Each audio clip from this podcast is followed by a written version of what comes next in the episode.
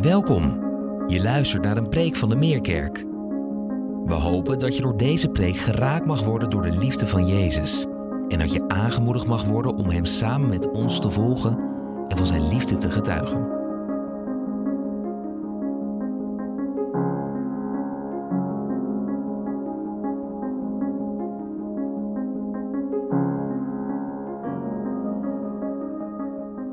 Een enorm contrast. De video en het lied Stil, mijn ziel, wees stil. Het is een oude video. Velen van jullie zullen hem waarschijnlijk al eerder een keer gezien hebben. Maar ik denk dat het alleen maar erger is geworden in de loop der tijd, der jaren, dan minder erg geworden. En hoe mooi is het dan om dat contrast te laten zien. Van schermtijd naar stille tijd. Van doelloos, gedachteloos over ons mobiel scrollen. Of stil te worden aan de voeten van Jezus. Nou, daar willen we het vandaag over hebben. Van schermtijd naar stille tijd. Want als we eerlijk zijn en we beschikken over ook maar een heel klein beetje zelfreflecterend vermogen, dan komen we best wel snel tot de conclusie, denk ik, dat vele mensen, inclusief onszelf, vele uren per dag besteden aan schermtijd. Niet altijd slecht. Is niet alleen maar kommer en kwel op ons scherm, maar het kost ons wel vele uren per dag. Wat we wel met zekerheid kunnen zeggen in ieder geval, als het gaat om ons schermtijd en alles wat we daarop kunnen vinden, is dat ook de duivel deze moderne techniek weet te gebruiken om zijn eeuwenoude tactiek in een nieuw jasje te stoppen. Met hetzelfde doel, want dat doel wat de duivel heeft is nog steeds hetzelfde, namelijk mensen van God afhouden door afleiding, misleiding en verleiding. En dat gaat hem goed af. Het gaat zelfs vergezeld met een hele specifieke angst die we zijn gaan noemen nomofobie. No mobile phobia. Dat is een serieuze klacht. Het is ook een serieuze angst. En de, het zijn ook serieuze symptomen. De nomofobie. Wat betekent dat als je weggaat van huis en je gaat naar je werk of waar dan ook. En je komt halverwege tot de conclusie dat je je mobiel bent vergeten. Dan geeft dat in sommige gevallen en bij heel veel mensen een angst. Een angst dat ze niet weten wat ze moeten doen zonder een mobiel. Nomofobie is een hele specifieke angst. Nu zijn er tegenwoordig allemaal psychologische analyses en wetenschappelijke onderzoeken die aantonen dat minder schermtijd gezonder voor ons is. Onderzoeken laten zien dat één op de drie gezinnen met kinderen, en gezinnen met kinderen die zullen zich daarin herkennen, die ervaren dagelijks problemen op het gebied van schermtijd. Maar ook buiten onze gezinnen. We appen fietsend, we bellen rijdend en we scrollen eindeloos door onze social media al lopend. Met schrikbarende gevolgen dat in het verkeer 20 tot 30 procent van alle ongelukken met dodelijke afloop of zwaar gewonde afloop te wijten is aan het gebruik van een mobiel in het verkeer. En daarnaast, daarnaast zijn er overduidelijke connecties tussen schermtijd en klachten als slapeloosheid, onrust, depressie, vermoeidheid, slechtziendheid en een verminderde interesse in sociale activiteiten. En plaats dit, plaats dit in een wereld die met de dag sneller gaat. Elke dag lijkt het wel sneller en sneller en sneller te gaan. Ironisch genoeg, wanneer je vandaag de dag durft te zeggen dat je even niks te doen hebt, wordt je de vraag gesteld of het wel goed met je gaat. De mate waarin we druk zijn, dat geeft ook een gevoel dat je van waarde bent. Drukte lijkt wel een soort statussymbool geworden. Ik ren, dus ik ben. En voor de duidelijkheid, het gaat dus niet om het rennen dat verkeerd is. Maar in onze Formule 1 levens zijn pitstops noodzakelijk. Dus het gaat niet om het rennen. Racen is niet verkeerd. De pitstop vermijden is verkeerd. We mogen racen.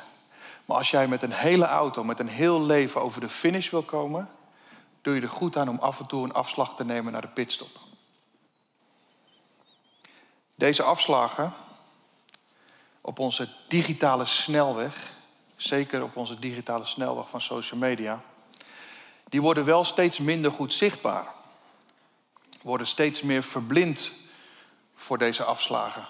Waardoor we ze ook minder snel nemen, met alle gevolgen van dien. Nou, we hebben net een aantal genoemd. Ik werd onlangs getroffen door het verhaal wat ik las in een boek van Asa Raskin. En Asa Raskin zal voor de veel mensen, de meeste mensen hier waarschijnlijk totaal onbekend zijn. En toch heeft Asa Raskin in ons dagelijks leven veel meer invloed dan je denkt. In ieder geval zijn ideeën. Want Asa Raskin is de ontwikkelaar van het eindeloos kunnen doorscrollen op ons mobiel. En hij vertelt in een interview dat de onderliggende motivaties om eindeloos te kunnen doorscrollen en dit te ontwikkelen en door te voeren, zo zegt hij dat dit is zodat je geen helder moment meer hebt om inzicht te krijgen. Waarbij je jezelf de vraag zou kunnen stellen: wil ik dit nog wel blijven bekijken? Want gebleken is dat als je naar het eind van een pagina scrolt en je moet op twee klikken om naar de tweede pagina te gaan, die seconde om na te denken geeft je soms wel die vraag, waardoor je besluit om niet door te klikken. Nou, dit eindeloos doorscrollen, wat hij ontwikkeld heeft en waar hij uiteindelijk ook afstand van heeft genomen als het gaat om dat het gezond voor ons is, heeft ertoe geleid dat we 50% meer op ons mobiel zitten dan voorheen. Deze ene fractie van een seconde weghalen uit onze social media zorgt ervoor dat we gedachteloos en eindeloos kunnen blijven doorscrollen. Het wonderlijke is wel dat te midden van al deze schermtijdperikelen, dat steeds meer jongeren ook overtuigd raken van het feit dat ze er te veel tijd aan besteden. Te veel schermtijd. Dat is het wonderlijke. Het lijkt wel in contrast te staan met wat de realiteit is. Gemiddeld in Nederland besteden we vijf en een half uur per dag aan schermtijd. En dat is overigens maar een deel van de totale schermtijd, want uiteindelijk besteed je ook nog tijd voor de tv, achter je laptop of op je iPad. En zeker als je een streamingsdienst account hebt, dan kan je daar zo nog maar anderhalf uur per dag bij rekenen. En daarom willen we vandaag nadenken over dit thema. Daarom denk ik dat het ook noodzakelijk is voor ons om na te denken over dat thema van schermtijd naar stille tijd. En ik zou willen pleiten vandaag voor een leven in navolging van Jezus Christus, wat meer in balans is, zodat al die eerder genoemde klachten die we kunnen hebben, niet alleen maar verminderen of weggaan, maar dat we vooral in die stille tijd tot de essentie van het leven komen, namelijk het leven met de hoofdletter L zelf. Dus even ter geruststelling. Ik ga geen pleidooi doen om je mobiel straks bij de deur in te leveren. En ik ga ook niet vertellen dat er een elfde gebod te vinden is in de Bijbel: dat gij zult geen smartphone hebben. En ik ga ook niet vertellen dat Jezus in de bergreden heeft gezegd: gelukkig zij die niet meedoen aan social media. Nee, allemaal niet. De Bijbel spreekt natuurlijk niet in die zin over schermtijd. Maar het spreekt wel over stille tijd. En als je jong bent, en ik heb dat een aantal keer mogen ervaren, ook in de klas, dan kan ik misschien wel voorstellen dat je aan stille tijd, dat je dan moet denken aan de juf die dan zo voor aan de klas staat. En die zegt dan niks, maar alleen zo voor in de klas staan. En je ziet het, dan moet je ook je hand in de lucht steken. En dan wordt het uiteindelijk hopelijk stil. En ik heb wel meegemaakt dat als de juf zo voor in de klas staat en ze aftelt van vijf naar nul, dat kinderen ook echt daadwerkelijk tot die nul wachten om stil te worden. Ze hebben die vijf seconden waarschijnlijk hard nodig. Nou, dat is dus niet wat ik bedoel met stille tijd. Voordat ik de Bijbel wil gaan openen, wil ik jullie iets anders laten zien. Ik wil jullie meenemen in een presentatie van ons gemiddelde leeftijd in Nederland in dagen berekend. En de reden waarom ik dat mee wil geven en dat wil laten zien in eerste instantie, voordat we de Bijbel openen, omdat ik denk dat het goed is om bewustwording te creëren van wat we nou gemiddeld in ons leven aan het doen zijn. In Nederland mag je ervan uitgaan, gemiddeld, en nogmaals, het zijn gemiddeldes, soms zal je meer dagen eraan besteden. Soms zal je minder dagen eraan besteden. Ons leven is soms ook korter en soms langer. Het zijn gemiddeldes. Maar in Nederland leven we gemiddeld 80 jaar. En in die 80 jaar, wat staat overigens voor 29.200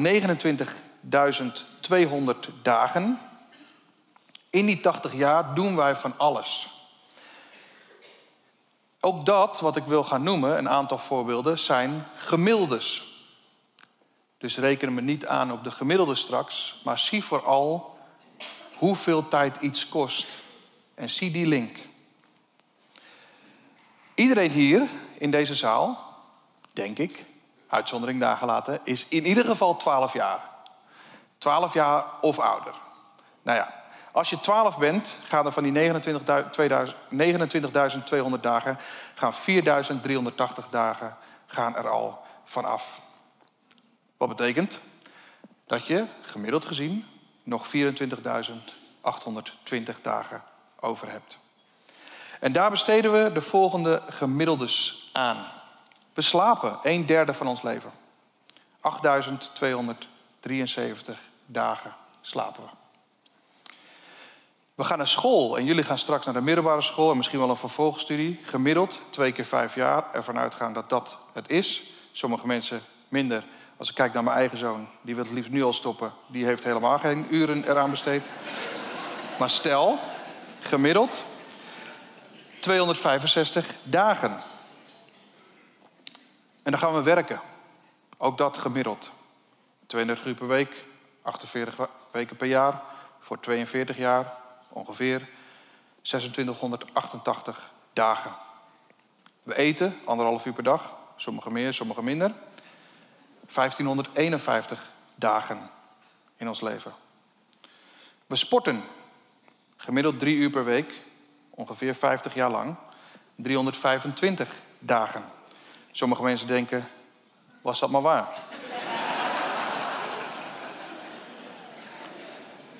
Spiegeltijd. De tijd dat je voor de spiegel staat.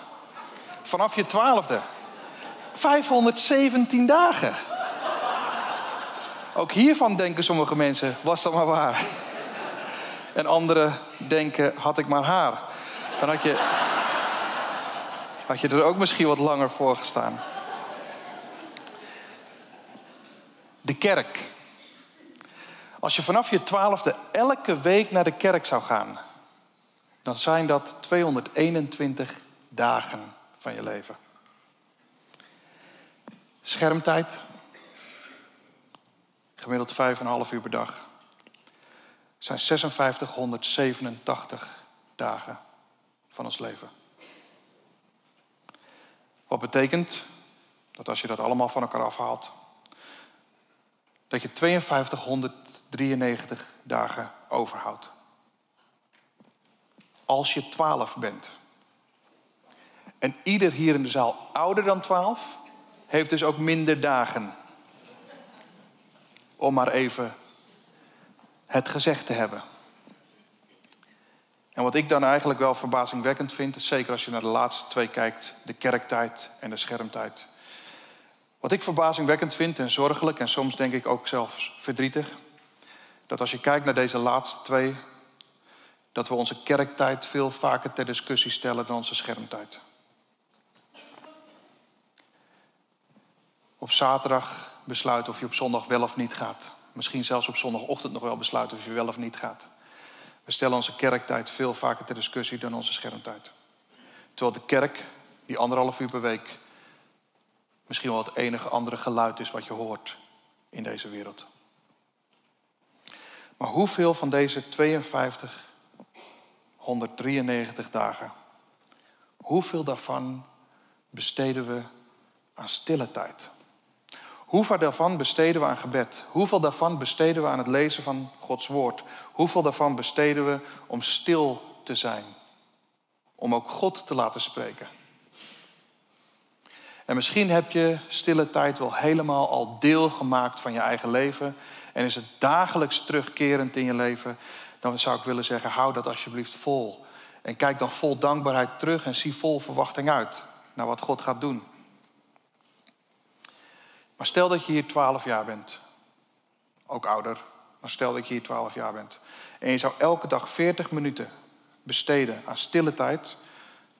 Dan is dat 689 dagen. Als je die 689 dagen af zou halen van je schermtijd, dan hou je nog genoeg schermtijd over. Ongeveer 5000 dagen hou je over. En je hebt de beste tijdsinvestering gedaan die het meest impactvol is voor de rest van je leven. 5000 dagen hou je over. Als je bereid bent om 40 minuten per dag te investeren in stille tijd. Het is de moeite waard om dat eens te overwegen. En het veelgehoorde excuus wat mensen hebben dat ze geen tijd hebben, is natuurlijk onzin. Dat weten we zelf ook wel. Het excuus dat je geen tijd hebt voor stille tijd is onzin. Probeer je zelfs voor te stellen dat dat het excuus is wat je hebt naar God toe. Die jou de tijd heeft gegeven. Elke minuut. Van elke dag. En tegen die God zeg je dat je geen tijd hebt. Probeer je voor te stellen hoe gek dat is. Stel jezelf voor, om het duidelijker te maken met geld. Want dan zijn we ineens wakker. Stel jezelf voor, ik kom elke dag bij jou aan de voordeur en ik bel aan. En elke dag zeg ik tegen jou, hier heb je 1440 euro, alsjeblieft. Elke dag. Elke dag kom ik bij jou aan de voordeur en geef ik cash 1440 euro. En ik vraag 40 euro terug. Dat is best een goede deal, denk ik. Je had 1400 euro over.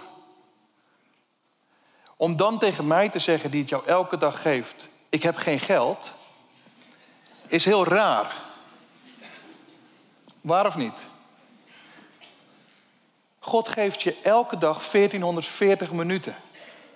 En als hij 40 minuten terugvraagt en zegt: Ik heb geen tijd, dat is toch net zo raar? Op zijn minst net zo raar. Maar wat nou? Wat nou als we dit samen zouden doen? Als gemeente. Wat nou als we samen als gemeente 40 minuten per dag in ons 40-jarig jubileumjaar wat er aankomt, zouden teruggeven aan God? Dat we besluiten met z'n allen samen in ons 40ste jaar 40 minuten per dag terug te geven aan God zelf. Bijvoorbeeld door 20 minuten in de ochtend te besteden aan stille tijd. En 20 minuten in de avond te besteden aan stille tijd. Om te reflecteren, om te contempleren, om te implementeren datgene wat we de afgelopen weken overdacht hebben met elkaar op zondagen. En dat we in die 20 minuten ook nadenken in dankbaarheid waar we samen als gemeente in de toekomst naartoe zouden willen met elkaar. Als we dat zouden doen voor één jaar lang, dan is het een tijdsbesteding van tien dagen. Tien dagen. Dat is wat we zouden willen vragen. Ben je bereid om tien dagen van je leven te geven aan 40 minuten per dag stille tijd in ons 40-jarig jubileumjaar? Ik denk dat dat de beste investering is voor jezelf en voor ons als gemeente. En ik geloof dat er dan ook wat gebeurt. Ik geloof dat er iets gebeurt als we besluiten om dat met elkaar te doen. Die 40 minuten aan de voeten van Jezus door te brengen. Elke dag weer.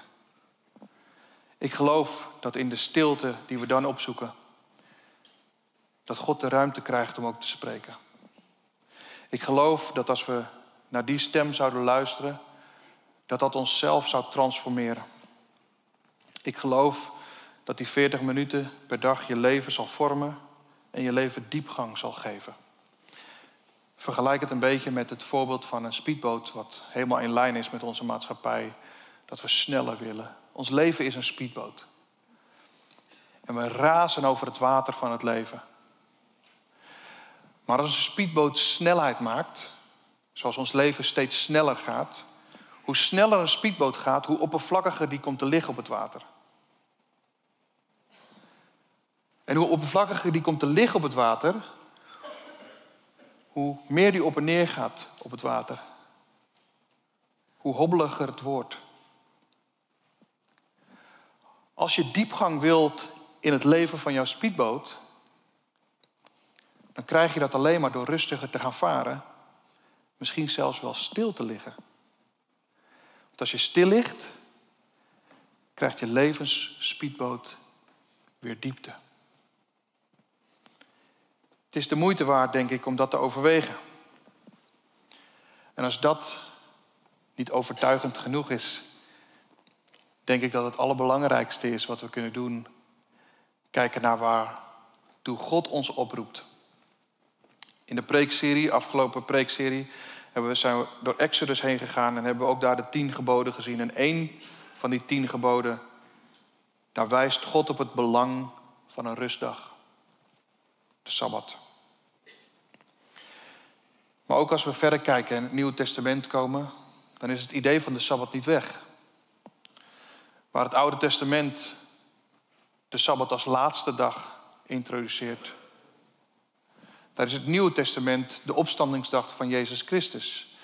Je zou kunnen zeggen dat het omgedraaid wordt. De Sabbat, de rustdag, is niet meer aan het eind van je week als je hard gewerkt hebt. Maar in het Nieuwe Testament komt het aan het begin van je week. Je start ermee. De rust is de start van alle drukte.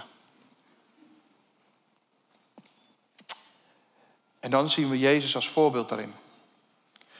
Door de evangelie heen zie je dat Jezus datzelfde deed. En Marcus hoofdstuk 1, vers 35 vind ik dat dat op een hele mooie manier omschrijft. Daar staat het volgende. Jezus ging vroeg in de morgen, vroeg in de ochtend, naar een eenzame plek om te bidden. Jezus heeft het ons voorgedaan wat het betekent om vroeg in de ochtend stilte op te zoeken. Een eenzame plek op te zoeken om te bidden. Als Jezus ons voorbeeld is, mogen we hem daarin volgen. Maar er komt ook iets uit voort, uit die stilte. Uit het zoeken van Jezus zelf. Want dan belooft Jezus in Matthäus hoofdstuk 11, vers 28 het volgende. Dat als je bij Hem bent, dat je rust zult krijgen. Kom allen bij mij, zegt Jezus, jullie die vermoeid zijn en onder lasten gebukt gaan, en ik zal jullie rust geven. Het is vanuit dat wilsbesluit om Jezus te verzoeken, om aan Jezus voeten te zitten, om naar Jezus toe te komen, dat wilsbesluit, dat Hij iets geeft dat wij op onze eigen wilskracht niet kunnen creëren of bereiken. Namelijk rust. We kunnen ervoor kiezen vanuit ons wilsbesluit om aan de voeten van Jezus te zitten, die 40 minuten per dag. Kunnen we voor kiezen uit een wilsbesluit. Maar dan ontvangen we vervolgens iets wat we op onze wilskracht niet kunnen creëren en bereiken. Als we onrustig zijn, dan kunnen we niet zeggen van, oh ja, nee, ik voel me echt super onrustig. Weet je wat, ik doe gewoon uh, rust in mijn leven. Het is niet van de een of andere manier te fixen, maar Jezus belooft het ons. Kom naar mij en ik zal rust geven. In die rust zal je steeds meer gaan ontdekken de diepte van wie Jezus is en wat Hij heeft gedaan uit liefde voor jou en mij. In die rust zal je ontdekken dat Jezus leeft. In die rust zal je zien dat Hij ernaar verlangt om jouw leven te leiden door Zijn Heilige Geest. In die rust zal je Zijn stem horen spreken. Het is zoals die bekende uitspraak zegt. Waar je mee omgaat, daar word je mee besmet. En de vraag aan ons, gaan wij om met Jezus? Want waar het in negatieve zin geldt, geldt het ook in positieve zin. Waar je mee omgaat, daar word je mee besmet. Gaan wij om met Jezus? En dan denk ik dat we weer terug zijn bij de video waar we mee begonnen zijn. Als inleiding op de preek. Omgaan met Jezus in onze maatschappij is tegen de stroming inzwemmen. Omgaan met Jezus in onze maatschappij is niet zo makkelijk. En dat realiseer ik me heel goed. En daarom wil ik eindigen met woorden van Jeremia uit het Bijbelboek Klaagliederen. En ik denk dat deze woorden van Jeremia uit het Bijbelboek Klaagliederen, dat dat de video en die twee componenten die we daar zien bij elkaar brengt. Ook ons thema bij elkaar brengt, van schermtijd naar stille tijd. Jeremia omschrijft daar namelijk die twee uitersten. En die twee uitersten kunnen we toepassen op ons thema vandaag. En ik wil deze twee gedeeltes maar gewoon lezen. En daarmee afsluiten. Het eerste gedeelte wat ik wil lezen komt uit Jeremia hoofdstuk 3. En dan lees ik vanaf vers 17 tot en met 20. Je zou het kunnen betrekken op de consequenties van vijf en een half uur schermtijd. Mijn leven is verstoken van vrede. Geluk is mij vreemd geworden. Steeds denk ik, verdwenen is mijn glans. Vervlogen mijn hoop op de Heer. Gedenk mijn nood en mijn zwervend bestaan, de alsem en het gif. Telkens als ik mijn lot overdenk, ben ik diep te neergeslagen. De stijgende schermtijd geeft in essentie geen vrede, geen geluk, geen glans, geen hoop, geen vreugde. Maar daar stopt Jeremia niet. Hij vervolgt. En ik wil lezen vers 21 tot en met 26. Want Jeremia houdt zich ergens aan vast. Toch geef ik de hoop niet op, zegt Jeremia, want hieraan houd ik vast. De Heer bewijst zijn liefde. Wij zijn nog in leven. Zijn ontferming kent geen einde. Elke morgen schenkt hij nieuwe weldaden. Veelvuldig blijkt uw trouw. Ik besef, mijn enig bezit is de Heer. Al mijn hoop is op Hem gevestigd. Goed is de Heer voor wie Hem zoekt en wie zich op Hem verlaat. Goed is het geduldig te hopen op de Heer die redding brengt. En de MBG 51 vertaling zegt: Goed is het in stilheid te wachten op de Heer die redding brengt. Jeremia maakt stille tijd deel van zijn leven. En daar in die stille tijd, daar vindt hij Gods liefde. Daar vindt hij Gods ontferming. Daar vindt hij Gods weldaden. Daar vindt hij Gods trouw. Daar vindt hij Gods aanwezigheid. Daar vindt hij Gods goedheid. En daar vindt hij Gods redding. Dus de vraag aan ons. Ben je bereid om tegen de stroming in te zwemmen en een heel klein stukje schermtijd in te leveren voor stille tijd? Daar aan de voeten van Jezus. Daar zal ook jij zijn liefde, zijn ontferming, zijn weldaden, zijn trouw, zijn aanwezigheid, zijn goedheid en zijn redding vinden. En wat een rust geeft dat. Dan vallen we, zoals de video eindigde, dan vallen we niet de afgrond in kijkend op ons scherm, maar ontvangen we een leven door ons blik gericht te houden op Jezus Christus, de grondlegger en voltooier van ons geloof. We zullen een moment nemen om ook stil te worden en aan zijn voeten te zitten.